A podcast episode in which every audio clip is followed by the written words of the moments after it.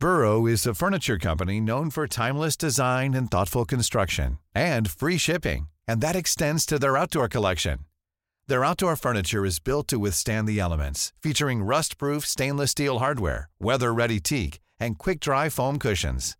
For Memorial Day, get 15% off your Burrow purchase at burrow.com slash ACAST and up to 25% off outdoor. That's up to 25% off outdoor furniture at burrow.com slash ACAST.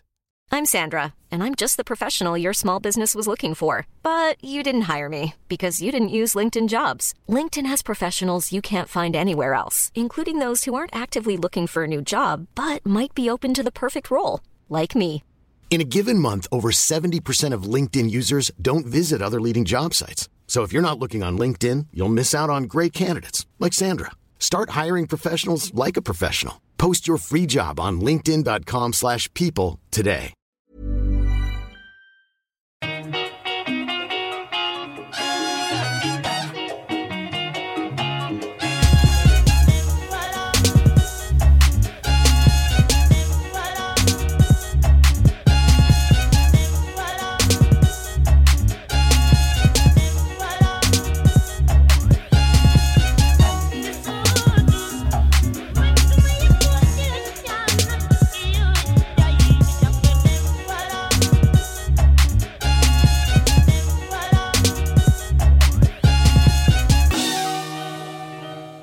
Du lyssnar på Svart historia med mig, Amat Levin och den andra delen om det transatlantiska slaveriet.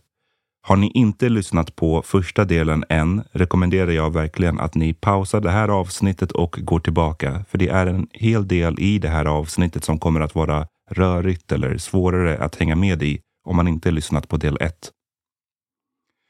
Jag vill påminna om att syftet med de här två avsnitten inte är att täcka precis allt med det transatlantiska slaveriet. Det skulle behövas en hel säsong med avsnitt för att ens komma i närheten av att göra det. Syftet är istället att ni ska få en övergripande bild så att ni känner att ni får bättre koll på vad det var som utmärkte det transatlantiska slaveriet, vad det var som drev på det och vad det var som gjorde att det kunde fortsätta i över 400 år.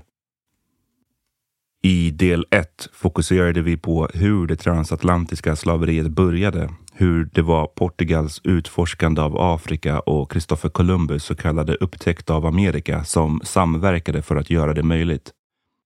Vi pratade också om slaveri som fenomen, hur det tyvärr har varit tätt förknippat med människans historia och hur det funnits i samhällen över hela världen. Vi slog även hål på några myter Exempelvis det missvisande i påståendet om att afrikaner skulle ha citat sålt sina egna.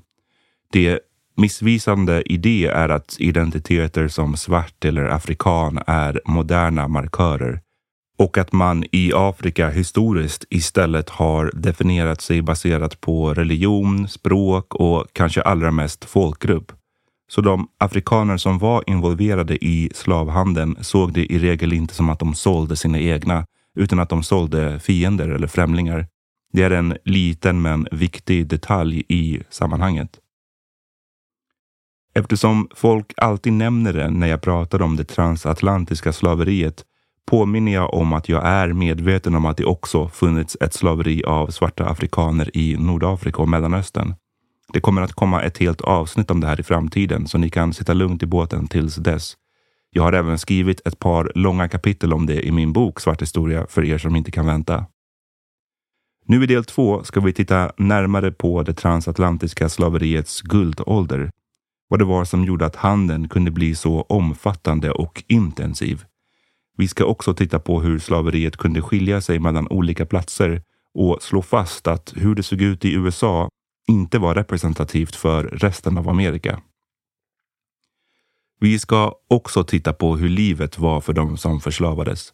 Det är lätt hänt att man bara pratar om miljontals förslavade hit och antal döda dit. Men det är viktigt att komma ihåg att det är riktiga människoliv vi pratar om. Och det de människorna fick utstå är bland det absolut värsta någon av oss kan tänka oss. Jag varnar därför för att det kommer att vara en del citat och scener i det här avsnittet som är väldigt råa. Men det är inte för att vi ska vältra oss i lidandet utan för att det är viktigt att inte glömma vad offren faktiskt utsattes för.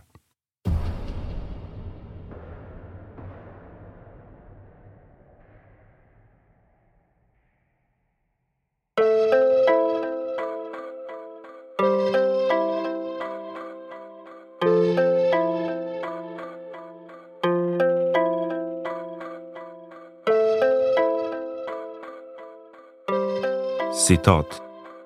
Det första som mötte mig när jag kom till kusten var havet och ett slavfartyg som då låg för ankare och väntade på sin last. Det fyllde mig med häpnad som snart förvandlades till skräck när jag bars ombord. Besättningen undersökte mig omedelbart för att se om jag var frisk och jag blev nu övertygad om att jag hade hamnat i en värld av onda andar och att de skulle döda mig. Deras hy, som skilde sig så mycket från vår, deras långa hår och språket de talade, som var väldigt annorlunda än något jag någonsin hört, bekräftade mina tankar. Slutcitat. Lite senare fortsätter vittnesmålet. Citat.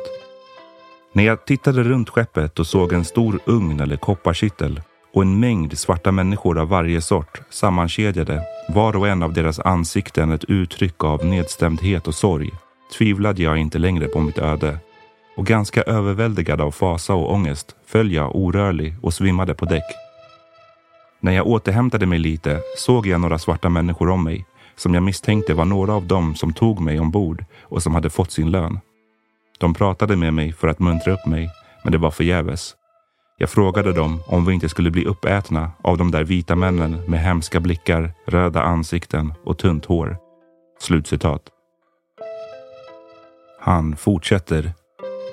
Citat. Strax därefter gick de svarta som förde mig ombord och lämnade mig övergiven till förtvivlan. Jag såg mig nu berövad alla möjligheter att återvända till mitt hemland. Eller till och med den minsta glimt av hopp om att nå stranden. Slutcitat. Men berättelsen är inte slut där. Citat. Jag placerades snart under däck där mina näsborrar möttes av något jag aldrig upplevt i livet. Den avskyvärda stanken i kombination med gråten gjorde mig så sjuk och låg att jag varken kunde äta eller hade den minsta lust att smaka på någonting. Jag önskade nu att den sista vännen, döden, skulle avlasta mig. Men snart, till min sorg, erbjöd två av de vita männen mig mat och på min vägran att äta höll en av dem fast mig i händerna och la mig tvärs över vad jag tror var ankarspelet och band mina fötter medan den andra piskade mig hårt. Jag hade aldrig upplevt något sånt här tidigare. Slutcitat. De här raderna är skrivna av Olauda Equiano och hör till de allra tidigaste och mest kända av vittnesmålen som förslavade afrikaner lämnade efter sig. Det ger en liten inblick, inte bara i våldet de utsattes för, utan i den konstanta rädslan. Förvirringen i att inte veta varför man fångats in och sålts, vart man var på väg och vad syftet med allt var. Lägg hans namn på minnet för vi kommer att återkomma till honom senare. Förra avsnittet slutade med att Portugal kartlagt Afrikas västra kust och påbörjat människohandeln. Inledningsvis med våld och rena kidnappningar, men med tiden allt mer genom diplomati och att erbjuda värdesaker, allianser och allehanda löften. På de små öarna som portugiserna koloniserat under utforskningen av Afrika som Sao Tomé och Principe, Madeira och Kap Verde anlade man plantager där man tvingade förslavade afrikaner att arbeta. Och vissa av plantagerna, särskilt de där socker odlades, började dra in stora pengar. Men när det här avsnittet tar vid befinner vi oss precis i slutet på 14 och början på 1500-talet Seglandes under spansk flagg hade Kristoffer Columbus nyligen ramlat över Amerika och snart skulle spanjorerna följas av portugiserna, fransmännen och britterna. Det nya landet européerna kom över och erövrade skapade väldiga kommersiella möjligheter. Istället för de små öarna i Atlanten eller utanför den afrikanska kusten hade man nu plötsligt hittat nya hela världsdelar att lägga under sig. Ännu en gång spelade sockerrör en stor roll. Ni som lyssnat på min trilogi om den haitiska revolutionen minns kanske hur viktigt just sockret var för vissa av de nya kolonierna. Det var en växt vars slutprodukt var snudd på beroendeframkallande och som moderna människor idag fortfarande har begär för. Alla ville åt sockret, men problemet var att det var en otroligt krävande växt att odla och kultivera. Kolonisatörerna insåg snabbt att det var i stort sett omöjligt att få fria arbetare att ha jobb på sockerplantagen. Så även i Amerika blev lösningen slavarbete. Men även andra grödor kunde kultiveras med hjälp av förslavade människor. Och på samma sätt kunde man även använda dem för att komma åt mineralerna och metallerna som väntade på att utvinnas ur marken.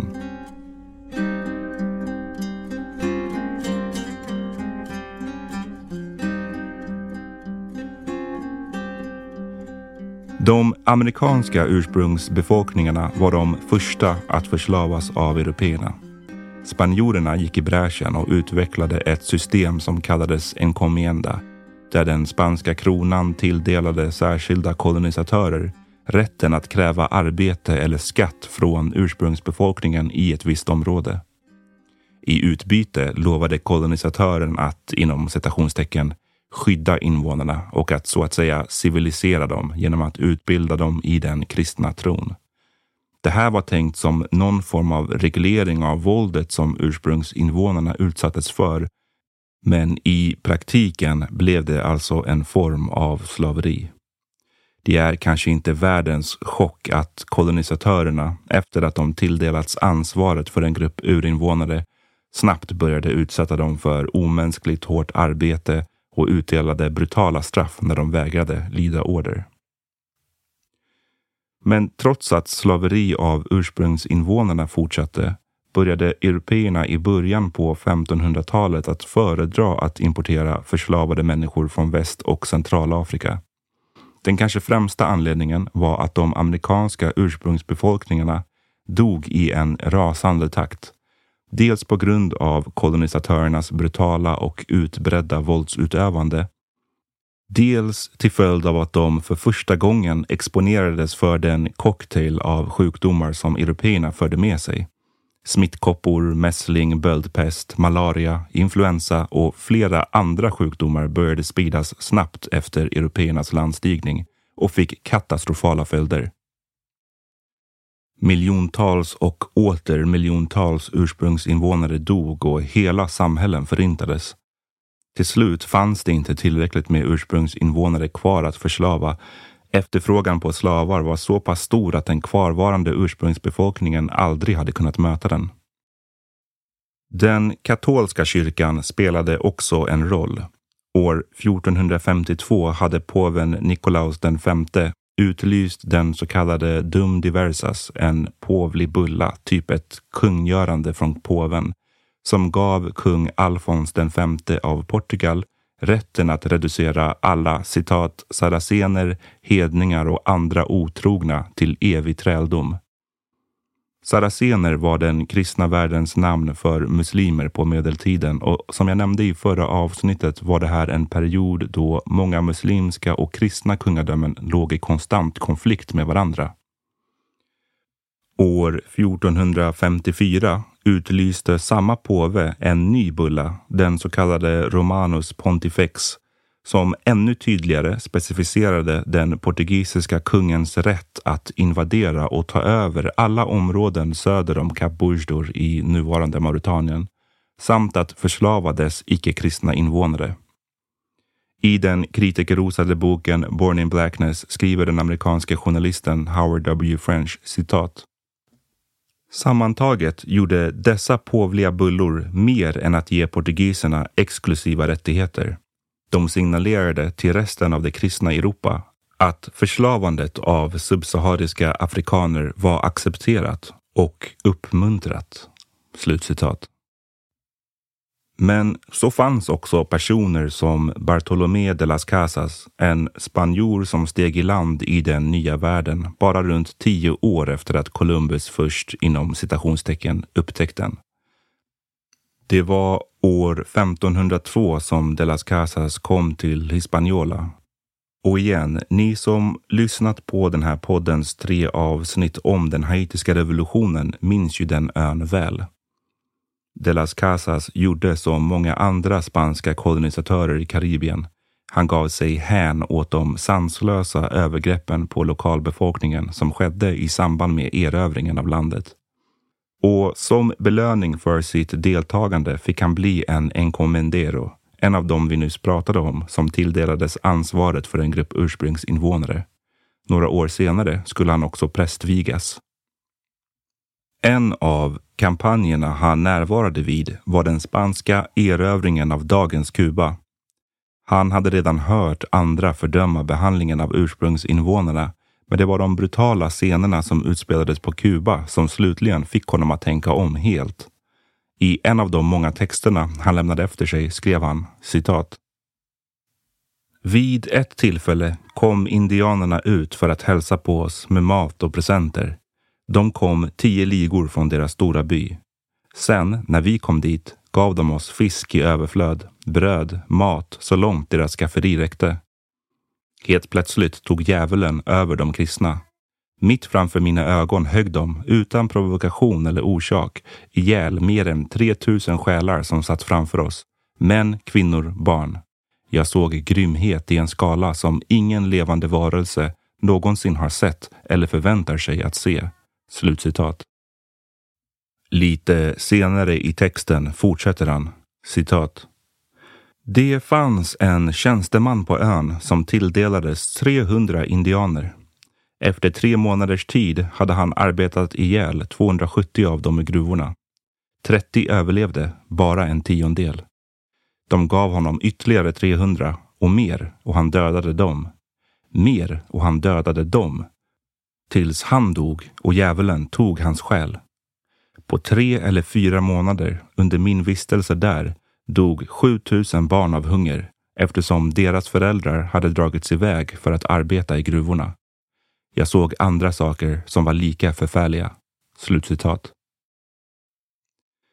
På 1510-talet började Bartolomé de las Casas istället propagera för ursprungsinvånarnas sak och han återvände till Europa för att inför den spanska kronan argumentera för upphörandet av encomienda-systemet.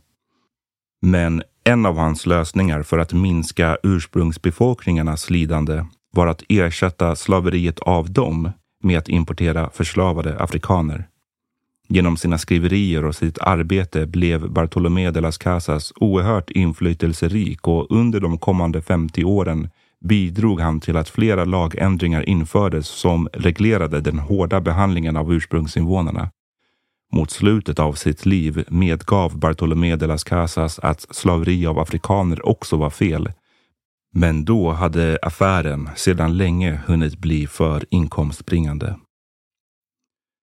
Historiker är oense om hur pass stor roll de las Casas spelade i att popularisera förslavandet av afrikaner. Den transatlantiska människohandeln hade ju trots allt redan påbörjats så han kan inte beskyllas för inledandet av den. Men man kan nog åtminstone säga att hans tidiga skriverier knappast var till afrikanernas fördel. Du lyssnar på Svart historia och den andra delen om den transatlantiska människohandeln. Avsnittet fortsätter efter pausen. Spring is my favorite time to start a new workout routine. With the weather warming up, it feels easier to get into the rhythm of things. Whether you have 20 minutes or an hour for a Pilates class or outdoor guided walk, Peloton has everything you need to help you get going. Get a head start on summer with Peloton at onepeloton.com. Burrow's furniture is built for the way you live. From ensuring easy assembly and disassembly to honoring highly requested new colors for their award-winning seating, they always have their customers in mind. Their modular seating is made out of durable materials to last and grow with you. And with Burrow, you always get fast, free shipping. Get up to 60% off during Burrow's Memorial Day sale at burrow.com slash ACAST. That's burrow.com slash ACAST. burrow.com slash ACAST. Kom ihåg att du kan slippa reklamavbrotten genom att bli en prenumerant på patreon.com svarthistoria där det också finns eh, tillgång till bonusepisoder och liknande. Nu fortsätter berättelsen. En annan uppenbar orsak till att europeiska kolonisatörer började förslava allt mer afrikaner var att Väst och Centralafrika var mest lägligt eller bekvämt. Det berodde dels på att krig mellan afrikanska riken i de här regionerna skapade en tillförsel av människor att köpa, men också på ren geografi.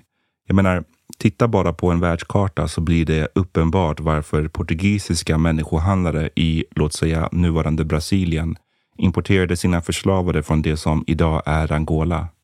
Det är ju bara raka vägen över havet och är en betydligt smidigare väg än om de gett sig på att köpa människor från exempelvis Asien eller Mellanöstern. Dessutom, eftersom Afrika, Europa och Asien, det som ibland kallas för den gamla världen, hade en längre historia av kontakt med varandra var afrikaner mer motståndskraftiga mot sjukdomarna som europeer förde med sig. Afrikanerna hade också en mer upparbetad resistens mot tropiska sjukdomar som malaria, vilket också kom till hands. Ännu en anledning till att det blev mer populärt att förslava afrikaner istället för ursprungsinvånare var för att ursprungsbefolkningen hade lokala familjeband och existerande lojaliteter. Med andra ord, det här var ju deras hemland och de hade en intim kunskap om den, vilket gjorde det lättare för dem att både fly och att organisera uppror när de väl lyckats komma undan. Slavhandlare bedömde att det var mer effektivt att slita upp människor från sina hem och hålla dem fångna på platser långt borta. Även om förslavade afrikaner lyckades rymma från sina plantage i Amerika hade de ju hela Atlanten som hindrade dem från att ta sig hem. Trots det finns det faktiskt några exempel på förslavade som faktiskt lyckades återvända till Afrika, men mer om det i ett annat avsnitt. Kyrkan påverkade även på andra sätt än de jag tidigare nämnt. Ni kanske minns 1479 års fredsfördrag som jag pratade om i förra avsnittet det som påven medlade och där Portugal gav upp sina krav på den kastilianska tronen i utbyte mot att få äganderätt till alla upptäckter söder om Kanarieöarna. År 1494 slöt Spanien och Portugal en slags uppdatering, det så kallade Tordesillas-fördraget, och det skedde bara ett par år efter att Columbus kommit till Amerika. I den här överenskommelsen delade de båda länderna upp världens nya upptäckter. Portugiserna behöll Afrika söder om Kanarieöarna och fick rätt till alla upptäckter på det östra halvklotet medan spanjorerna fick den nya världen med undantag för delar av dagens Brasilien. År 1506 ratificerades eller bekräftades avtalet av påve Julius II. Det här var ju en fantastisk lösning för de två rivalerna men övriga europeiska länder blev knappast nöjda. Ett uppenbart problem uppstod dessutom när kyrkan reformerades i början på 1500-talet så splittrades i två grenar, den protestantiska och den katolska. Nya protestantiska stater brydde sig inte om vad påven hade beslutat. De tänkte knappast låta portugiserna och spanjorerna få ensamrätt på alla upptäckter. Så under 15 och framförallt 1600-talet fick Portugal och Spanien sällskap av giganter som Storbritannien och Frankrike som gav sig in i den transatlantiska människohandeln, men även mindre nationer som Nederländerna, Danmark och Sverige. Jag kommer återkomma till hur Sveriges roll såg ut i allt det här i ett framtida avsnitt. Den transatlantiska slavhandelns mekanismer tydliggörs av dess alternativa namn, triangelhandeln. I Europa lastades fartyg med exempelvis vapen, krut, vin, metaller och klädesplagg och seglades till väst och centralafrikanska hamnar, stränder och flodmynningar där varorna byttes mot förslavade män, kvinnor och barn. I skeppens klaustrofobiska lastutrymmen förvarades de under monstruösa förhållanden under den långa färden över Atlanten. När fartygen nådde hamnar i Nord och Sydamerika såldes afrikanerna och efter rengöring fylldes skeppen med socker, tobak och rom innan de återvände till Europa. Det är viktigt att understryka just hur hemskt ödet var för de som förslavades. Och deras lidande började så mycket långt innan perioden vi oftast tänker oss. Jag menar, många av oss har sett scener på film eller läst i böcker om hur förslavade piskades på sina plantager eller utsattes för olika typer av tortyr av deras husbönder. Men tänk dig då att deras lidande som tidigast hade börjat flera, flera månader innan. Många av dem som förslavades var ju krigsfångar och hade alltså redan hemma i Afrika varit med om något av det värsta vissa människor kan utsättas för. Krig. Andra var kidnappade, dömda kriminella, utstötta eller på andra sätt oönskade och hade alltså också redan varit med om något potentiellt traumatiskt. Många togs dessutom till fångna långt inåt landet och tvingades att under brutala förhållanden marschera ut mot européernas kustfort. Sträckorna kunde vara 50 mil långa eller mer genom svårgenomtränglig terräng och ta månader att gå och de var fastkedjade i varandra under hela marschen. Väl på plats vid kusten såldes de överlevande och brännmärktes innan de stängdes in i fortens katakomber och förvaringshålor. Tätt tillsammans, utan ljusinsläpp, med väldigt begränsad ventilation och med en skoningslös tropisk hetta. Hundratals, ända upp till tusen personer kunde vara instängda i samma håla. Där kunde de vara i två, tre, fyra månader i väntan på att slavfartygen skulle dyka upp vid horisonten. Väl ombord skeppen fick de förslavade ta av sig kläderna innan de inspekterades. De packades sedan tätt, tätt ihop under däck och kedjades fast i varandra. För att maximera vinsten tilldelades varje förslavad person ett så litet utrymme som möjligt. De exakta måtten varierade mellan skeppen men var i regel så pass små att man var tvungen att huka eller ligga för att få plats. I Africa, A Biography of the Continent skriver exempelvis den brittiske författaren John Reader om hur Royal Africa Company, ett brittiskt företag som var involverat i slavhandeln, dikterade att utrymmena skulle se ut år 1713. Per förslavad person skulle utrymmet vara citat 152 centimeter på längden, 27 centimeter på bredden och 58 centimeter på höjden. Slutcitat. Det är alltså betydligt mindre än en vanlig gravkista. Det finns mängder av vittnesmål om hur barbarisk den här färden över Atlanten var, men ett av de kändaste kommer från Olauda Equiano, mannen vars berättelse det här avsnittet började med. Han var bara ett barn när han på mitten av 1700-talet kidnappades tillsammans med sin syster i det som idag är Nigeria. Syskonen separerades, marscherades ut mot kusten och såldes som slavar. Equiano är också känd som Gustavus Vassa, vilket var slavnamnet som hans nya ägare gav honom. Men det är inte känt varför ägaren valde just det namnet som ju har en uppenbar likhet med den svenske 1500-talskungen Gustav Vasa. Det som är allra mest utmärkande med Equiano är att han efter åratal i slaveri hade den otroligt sällsynta turen att hamna hos en ägare som tillät honom att köpa sig fri vilket han också gjorde år 1766. Han hamnade tids nog i England där han år 1789 gav ut boken The Interesting Narrative of the Life of Volada Equiano or Gustavus Vassa the African. Det var ett vittnesmål med monumentala konsekvenser och som blev en grundpelare i den framväxande antislaverirörelsen. I början av avsnittet berättade jag om när han släpades ombord fartyget men i boken skriver han även om färden över Atlanten. Det är ett rätt långt citat, men jag tycker det ger en bra indikation om hur jävligt det måste ha varit ombord. Han skrev citat. Medan vi befann oss längs kusten var stanken i lastutrymmet så intolerabelt outhärdligt att det var skadligt att vara där inne och några av oss hade fått tillåtelse att komma upp på däck för att andas den friska luften. Men nu, när hela fartygets last var instängda tillsammans, blev stanken fullkomligt plågsam.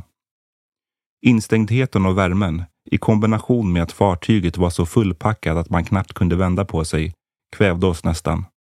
Det här producerade kopiösa svettningar så att luften snart inte blev lämplig att andas på grund av en variation av plågsamma lukter och frammanade sjukdomar bland slavarna så många av dem dog och på så sätt blev offer för köparnas taktlösa girighet. Den här miserabla situationen förvärrades ytterligare av skavsåren från kedjorna som nu blivit outhärdliga och smutsen från dassen och som barnen ofta föll in i och nästan kvävdes i. Kvinnornas skrik och de döendes jämmer gjorde hela scenen nästan otänkbart fasansfull. Slutcitat. I boken skriver han också om hur vissa förslavade hellre slängde sig mot en säker död över bord än att stanna kvar på fartygen. Att mängder av människor dumpades från slavskeppen, dels sådana som hoppade självmant i ett självmord, men mest sådana som dog eller dödats av andra skäl och så att säga begravdes i vattnet, gjorde att slavskeppen ofta följdes av hajar som kalasade på kropparna. Enligt andra vittnesmål kunde man känna stanken av ett slavskepp på lång väg. Gula febern, tuberkulos, magsjuka, magparasiter och dysenteri frodades i skeppens trånga utrymmen och maten och vattnet de förslavade fick var i sådana små mängder att de knappt klarade sig. Under oförutsedda händelser som stormar eller att fartygen åkte vilse kunde hela laster av förslavade dumpas över bord för att ransonerna skulle räcka till besättningen. Alexander Falconbridge var en berömd brittisk kirurg som tjänade ombord på slavskepp under fyra resor på 1780-talet och som senare blev en av antislaverirörelsens förkämpar. År 1788 gav han ut boken An account of the slave trade on the coast of Africa där han redogjorde för vad han hade sett. Falconbridge skrev citat när de svarta vägrar inta näring har jag sett hur kol från elden, glödande het, har placerats i en spade och förts så nära deras läppar att de bränns.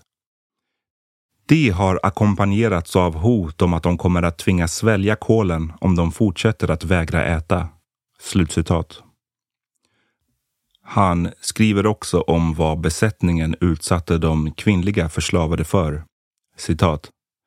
Officerarna tillåts att ge efter för sina begär som de behagar och är skyldiga till sådana övergrepp att de är en skam för mänskligheten. Slutcitat. Lite senare skriver Falconbridge om konsekvenserna av bristen på frisk luft i lastutrymmet där de förslavade förvarades. Han skriver att vissa av fartygen var utrustade med en slags öppningar vid sidan av skeppen och som ledde frisk luft ner till slavarna men att oväder eller höga vågor ofta fick öppningarna att stängas. Han beskriver en sån scen från en av hans resor. Citat. När de var i den här situationen, alltså att luftöppningarna hade stängts, gick jag regelbundet ner till dem, tills deras rum blev så extremt varmt att vara i att det bara gick att stå ut med det under en väldigt kort period. Men den överdrivna hettan var inte det enda som gjorde deras situation outhärdlig.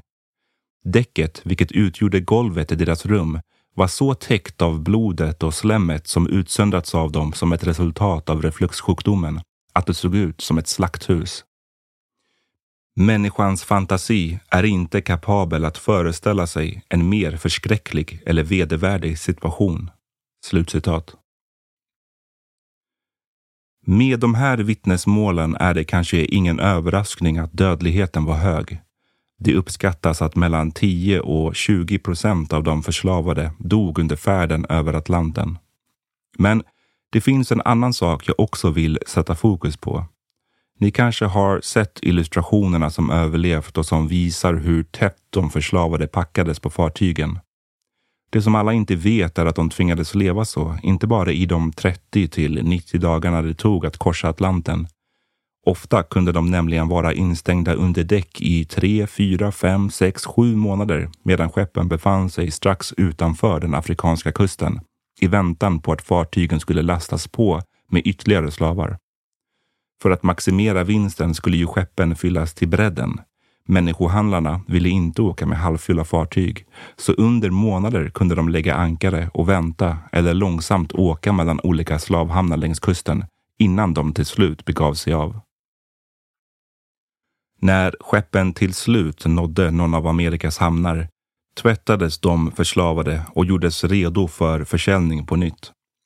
Försäljningen skedde inte alltid vid kusten utan kunde kräva att de förslavade återigen tvingades marschera långa distanser inåt landet. Och de som överlevde den här fruktansvärda resan och behandlingen från Afrika till den nya världen, de hade ett liv i slaveri att vänta. Efter att ha sålts kunde man som förslavad, förutom att slita på plantagen eller i gruvor, också tvingas jobba som herde, fiskare, snickare, kock, betjänt, vedhuggare, sjöman. De hade alla typer av jobb du kan tänka dig. Och hotet om våld var konstant. Om du jobbade för långsamt eller slarvigt, försökte lära dig att läsa, praktiserade din ursprungliga tro, umgicks med någon du inte fick, försökte rymma. Allt straffades med de mest ohyggliga metoder. Det är också viktigt att understryka att sexuella övergrepp på förslavade främst kvinnor och barn skedde frekvent i alla av leden jag nyss beskrev. Från tillfångatagandet i Afrika till färden över Atlanten till den nya tillvaron i Amerika. Både i slavforten längs den afrikanska kusten och under de tortyrliknande resorna över havet kunde de enda tillfällena som slavar släpptes ut från sina hålor sammanfalla med att de utsattes för våldtäkter. När jag besökte Elmina Castle i Ghana berättade guiden att den enda gången kvinnorna fick tvätta sig var när de fördes upp från hålorna och skulle göras redo för att bli utnyttjade av fortets guvernör, officerare eller soldater.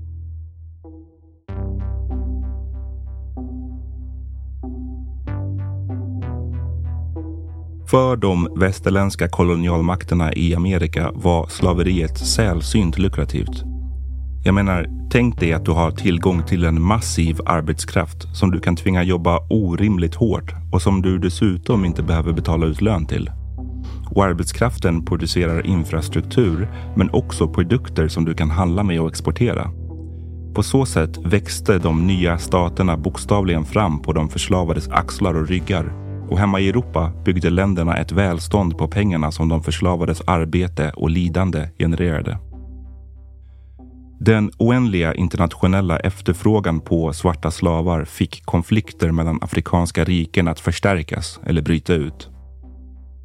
Vissa afrikanska kungadömen som var inblandade i slavhandeln förklarade krig mot svagare grannar för chansen att sälja dess invånare. Och just skjutvapnen som européerna sålde till afrikanerna i utbyte mot människor blev särskilt destabiliserande. Skjutvapnen blev ytterligare ett incitament för afrikanska kungadömen att bli en del av slavindustrin. Föreställ dig att du var ledare för ett samhälle som saknade skjutvapen, men låg inom räckhåll för ett kungadöme som hade tillgång till dem. Då fanns risken att du och ditt rike skulle bli en måltavla. I en sån situation kanske du skulle bedöma att det bästa försvaret var att gå på offensiven och att attackera ett tredje folk, sälja dem till européerna och genom det få tillgång till skjutvapnen som behövdes för att skydda dina egna landgränser. På det här sättet skapade slavhandeln ständigt nya konflikter och konflikterna skapade i sin tur ännu fler flyktingar och krigsfångar som kunde säljas in i slaveriet. Den här mekanismen är viktig för att förstå hur det transatlantiska slaveriet kunde fortgå. Ibland framställs det som att majoriteten av förslavade afrikaner kidnappades av europeiska slavjägare, men det är en missvisande bild. Mest av allt för att européerna på 1500-talet, när den transatlantiska handeln drog igång på riktigt, inte hade något stort teknologiskt övertag gentemot väst och centralafrikanska kungadömen. Europeer kunde inte bara klampa in och meja ner allt motstånd med avancerade vapen som kulsprutor och raketer som man gjorde senare under kolonialismen på 1800 och 1900-talet. Och det var därför européerna under den transatlantiska handeln var koncentrerade kring sina fort längs kusterna.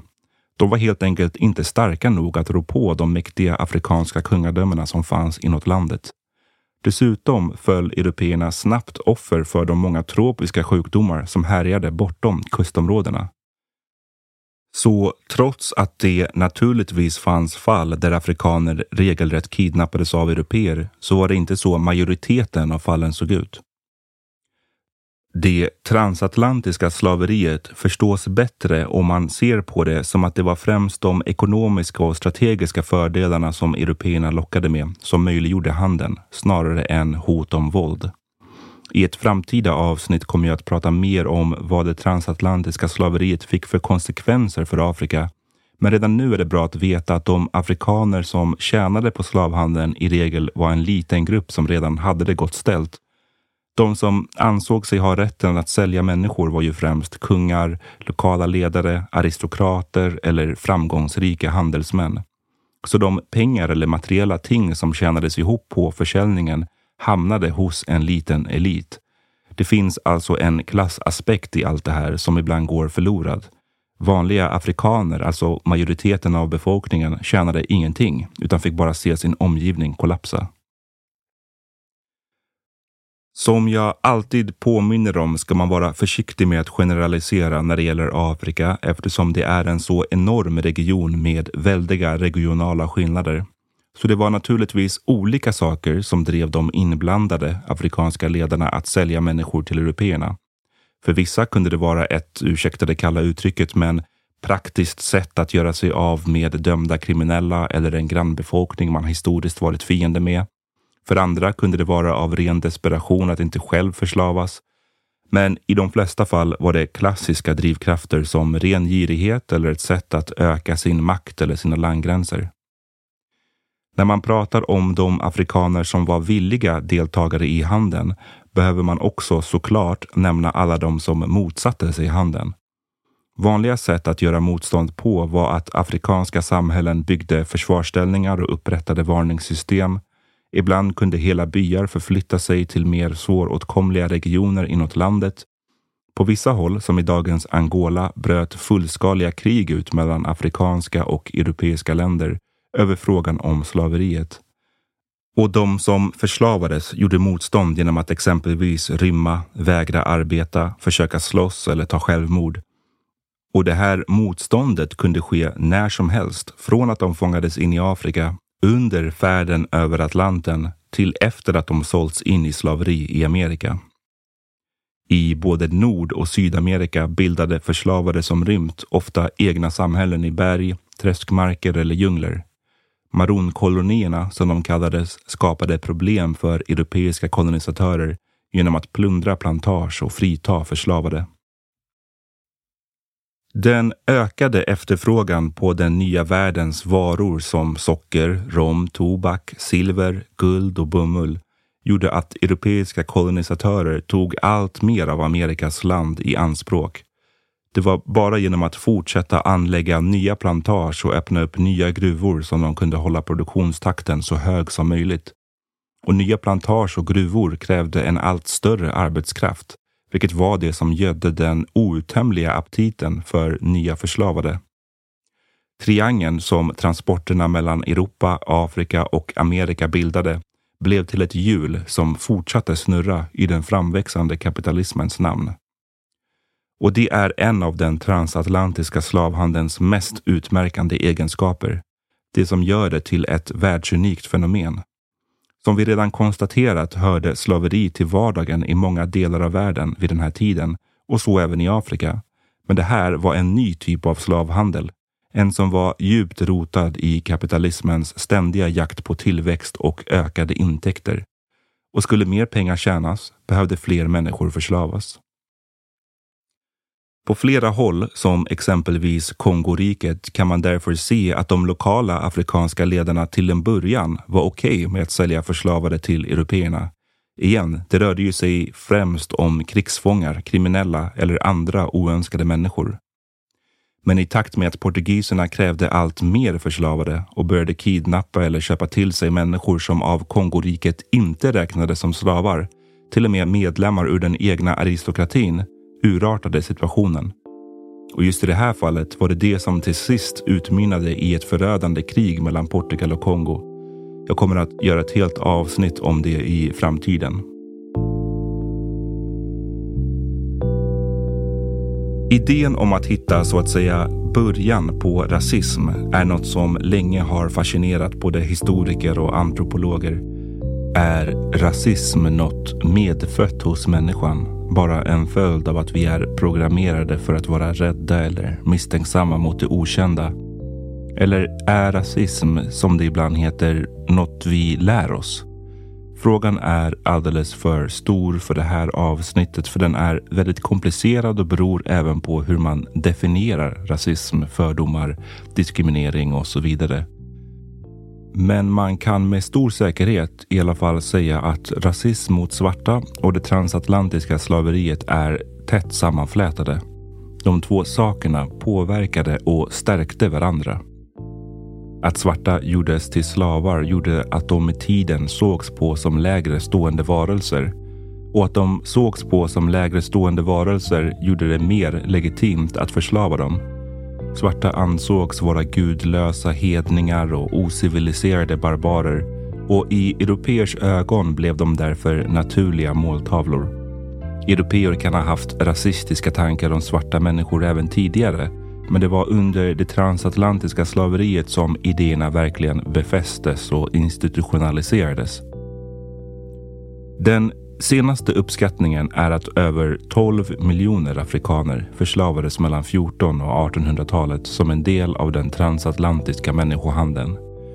Upp till 2 miljoner av dem dog under båtfärden över Atlanten och miljontals ytterligare dödades när de tillfångatogs eller när de marscherades ut mot européernas afrikanska kustfort.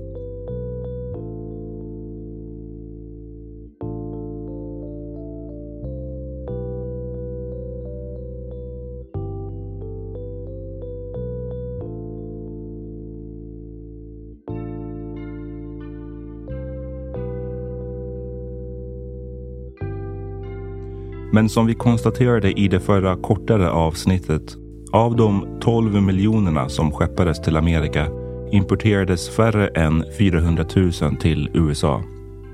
Vilket är värt att notera eftersom slaveriet i den amerikanska södern för många har blivit sinnebilden för hela perioden. Det verkar som att vissa ibland tänker att USA var epicentret för hela människohandeln. I själva verket var Brasilien den överlägset främsta slavdestinationen med sina nästan fem miljoner importerade afrikaner, huvudsakligen från nuvarande Angola och Kongo. På andra plats hamnar Karibien, där dagens Jamaica, Haiti, Kuba och Barbados var populära destinationer. Trots att slavimporterna till USA inte ens utgjorde 4% av den totala slavhandeln är det som sagt slaveriet i den amerikanska södern som många tänker på först när de hör ordet slaveri. Jag tror vi har varit inne på varför tidigare, men jag tänker att det hänger ihop med vår generella fascination för USA, men också hur många filmer, serier och böcker vi har sett som behandlar just den regionen och epoken. Bara för någon månad sedan släpptes ju till exempel Emancipation, en ny film om slaveriet i USA med Will Smith i huvudrollen. Men det som är bra att veta är att slaveriet i USA faktiskt utmärkte sig på flera sätt och jag tänkte att vi skulle kolla på några av dem nu. Till skillnad från öarna i Karibien var odlingsmarken i USA till synes oändlig och socker dominerade inte industrin. Att det fanns fler och i jämförelse med sockerframställning mindre krävande arbetsuppgifter skapade mer utrymme för olika typer av relationer mellan de förslavade.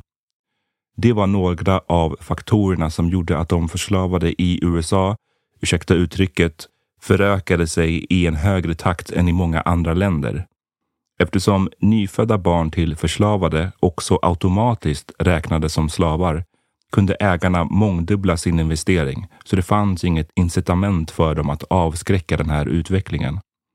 I en av sina biografier skrev exempelvis den före detta slaven och legendariske amerikanske abolitionisten Frederick Douglass att en av hans många ägare varje natt parade ihop sin enda kvinnliga förslavade med en av de manliga. Målet var att frammana en graviditet och på så sätt alltså helt gratis skaffa sig en ny förslavad person. Den gången vann ägaren dessutom på Lotto för enligt Douglas kom kvinnan snart att bära på tvillingar. Värdefulla tillskott till ägarens samling. Med tiden utmynnade slaveriet i den amerikanska södern i en komplex och underlig intimitet. Slavägare påstod sig göra de förslavade en tjänst genom att rädda dem från det barbariska Afrika och ge dem en hård men rättvis tillvaro i väst. Svarta betraktades ungefär som outvecklade barn som behövde mentorskap i form av ett strängt överhuvud och det är därifrån användandet av termen boy för svarta män kommer. Själva slavarbetet ansågs till viss del vara slavarnas gottgörelse för att de blivit upplyfta från Afrika och välkomnade in i den kristna värmen. I ett annat avsnitt kommer jag att prata mer om hur Bibeln av slavägarna i den amerikanska södern användes för att legitimera slavhandeln. Det här kulturella draget, alltså den underliga intimiteten, har i vissa kretsar använts för att utmåla det amerikanska slaveriet som mer godhjärtat än andra, vilket såklart är bisarrt. Jag menar, den här infantiliseringen grundade sig ju helt i bilden av svarta afrikaner som en lägre stående art och de förslavade utsattes för enorma mängder våld. Så att kalla slaveriet godhjärtat är självklart helt felaktigt. Huruvida slavägare i den amerikanska södern på riktigt trodde på att de gjorde slavarna en tjänst eller om de innerst inne visste att det var en bortförklaring är naturligtvis svårt att fastslå. Vi kan ju inte veta deras innersta tankar. Men man kan tänka sig att det inte handlade om att de på riktigt trodde på det, utan att det var ett sätt att maskera det själviska utsugandet av andra människor som något uppoffrande och nobelt, en kristen gärning.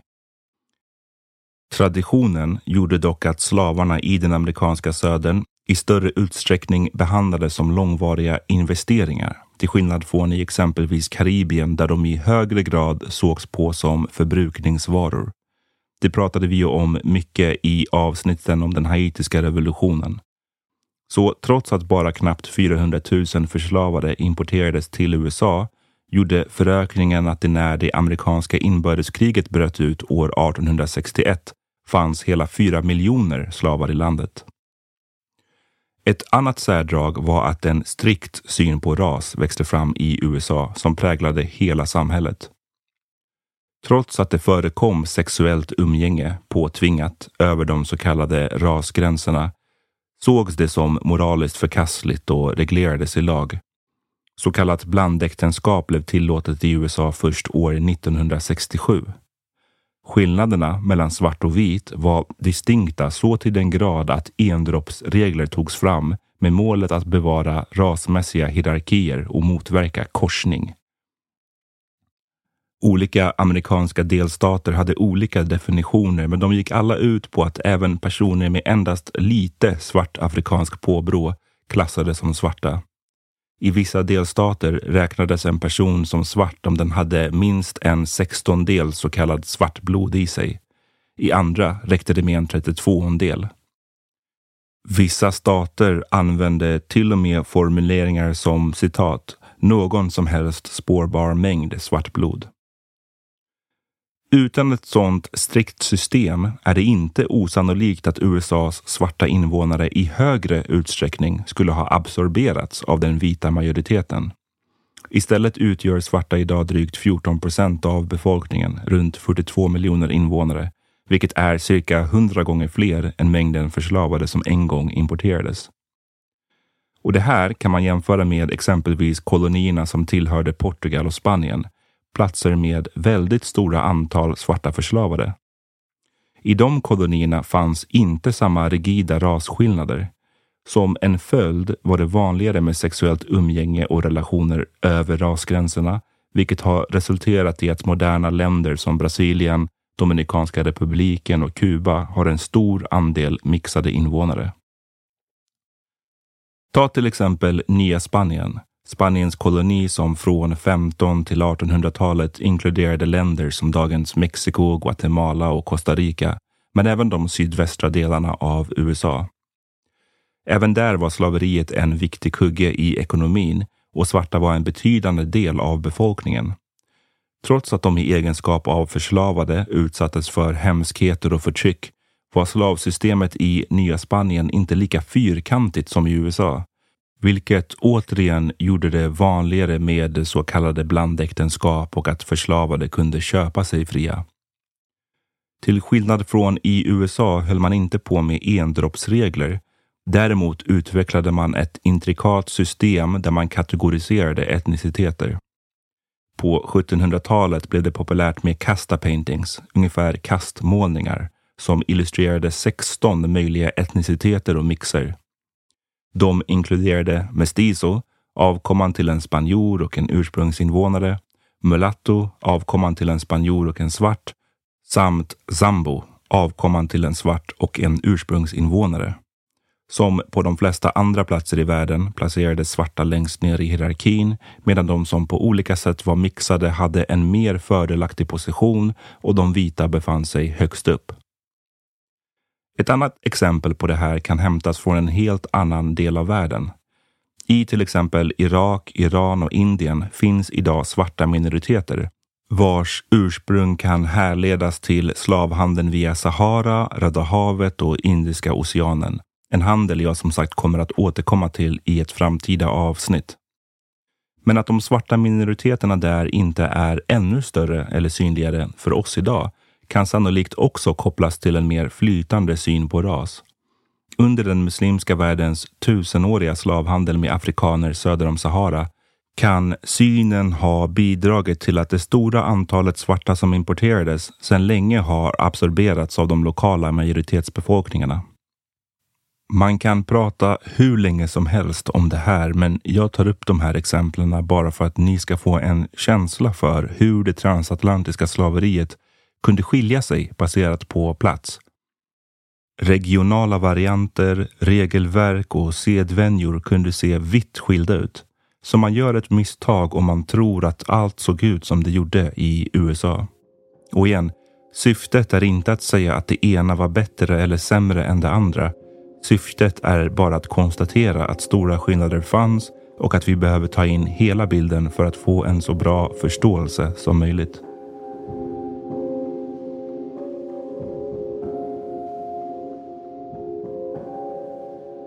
Vill man förstå alla sätt som det transatlantiska slaveriet har förändrat världen på tror jag man gör bäst i att eh, zooma in och titta på några lokala händelseförlopp. Vi har redan gjort det i trilogin om den haitiska revolutionen och vi kommer att fortsätta göra det i framtida episoder. Något annat jag kommer att prata om i framtiden är vad det var som efter mer än 400 år till slut fick den transatlantiska människohandeln att upphöra under 1800-talet. Det som vanligtvis brukar framhållas är upplysningens intåg med sina idéer om förnuft och frihet. Men betydligt fler saker än så påverkade. Det var en komplex mix av ideologiska, religiösa och framförallt ekonomiska faktorer som spelade in. För att ersätta intäkterna från slaveriet pratade västvärlden på 1800-talet om legitim handel. Istället för människor skulle produkter som gummi, palmolja, elfenben och koppar utvinnas från Afrika. Så vad som följde den transatlantiska människohandeln var en sömlös övergång i den europeiska koloniseringen av Afrika. Att det transatlantiska slaveriet var förödande för Afrika är väldokumenterat Samtidigt var det genom de förslavades slit, blod och lidande som nationerna i Amerika växte fram. Det finns de historiker som menar att Amerika, varken nord eller syd, hade kunnat koloniseras fullt ut utan slavarbete eller att det åtminstone hade tagit betydligt längre tid. Exakt hur stor roll slaveriet spelade i USAs utveckling som framstående nation debatteras fortfarande bland historiker. I den omtalade boken The Half Has Never Been Told, Slavery and the Making of American Capitalism från 2014 skriver den amerikanske historikern Edward E. Baptist citat. Från 1783, i slutet av den amerikanska revolutionen, till 1861 ökade antalet slavar i USA fem gånger om och all denna expansion producerade en mäktig nation. För vita förslavare kunde tvinga förslavade afroamerikanska migranter att plocka bomull snabbare och mer effektivt än fria människor. Deras metoder förvandlade snabbt sydstaterna till den dominerande makten på den globala bomullsmarknaden och bomull var världens mest handlade råvara vid den tiden, eftersom det var den viktigaste råvaran under det första århundradet av den industriella revolutionen. Avkastningen från bomullsmonopol drev moderniseringen av resten av den amerikanska ekonomin och vid tiden för inbördeskriget hade USA blivit den andra nationen att genomgå storskalig industrialisering. Slutcitat. Igen, exakt hur mycket är en fråga som fortfarande debatteras, men att det transatlantiska slaveriet har satt oerhört djupa spår i allt från ekonomi till folkhälsa är uppenbart. Flera av problemen vi ser idag på det västra halvklotet, som rasismen och den ojämlika ekonomiska fördelningen mellan vita och svarta, kan också härledas till människohandeln.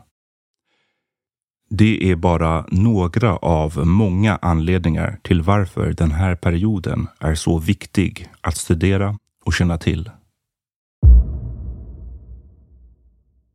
Tack för att du har lyssnat på Svart historia med mig, Amat Levin och den andra delen om det transatlantiska slaveriet. Det finns så mycket mer att säga om det här ämnet och vi kommer att återkomma till det flera gånger, men på ett mer småskaligt sätt. Vi kommer att titta på hur det såg ut i och påverkade specifika lokala regioner. Men jag hoppas att jag med de här två episoderna har kunnat ge er en överblick över det här oerhört mörka kapitlet i vår historia. Nästa huvudavsnitt kommer att handla om någonting helt annat och släpps om några veckor. Under tiden kommer jag att komma tillbaka med några kompletterande kortare avsnitt. Glöm inte att ni också kan få tillgång till bonusepisoder och hela podden helt fri från reklam på patreon.com svarthistoria. Vi hörs snart.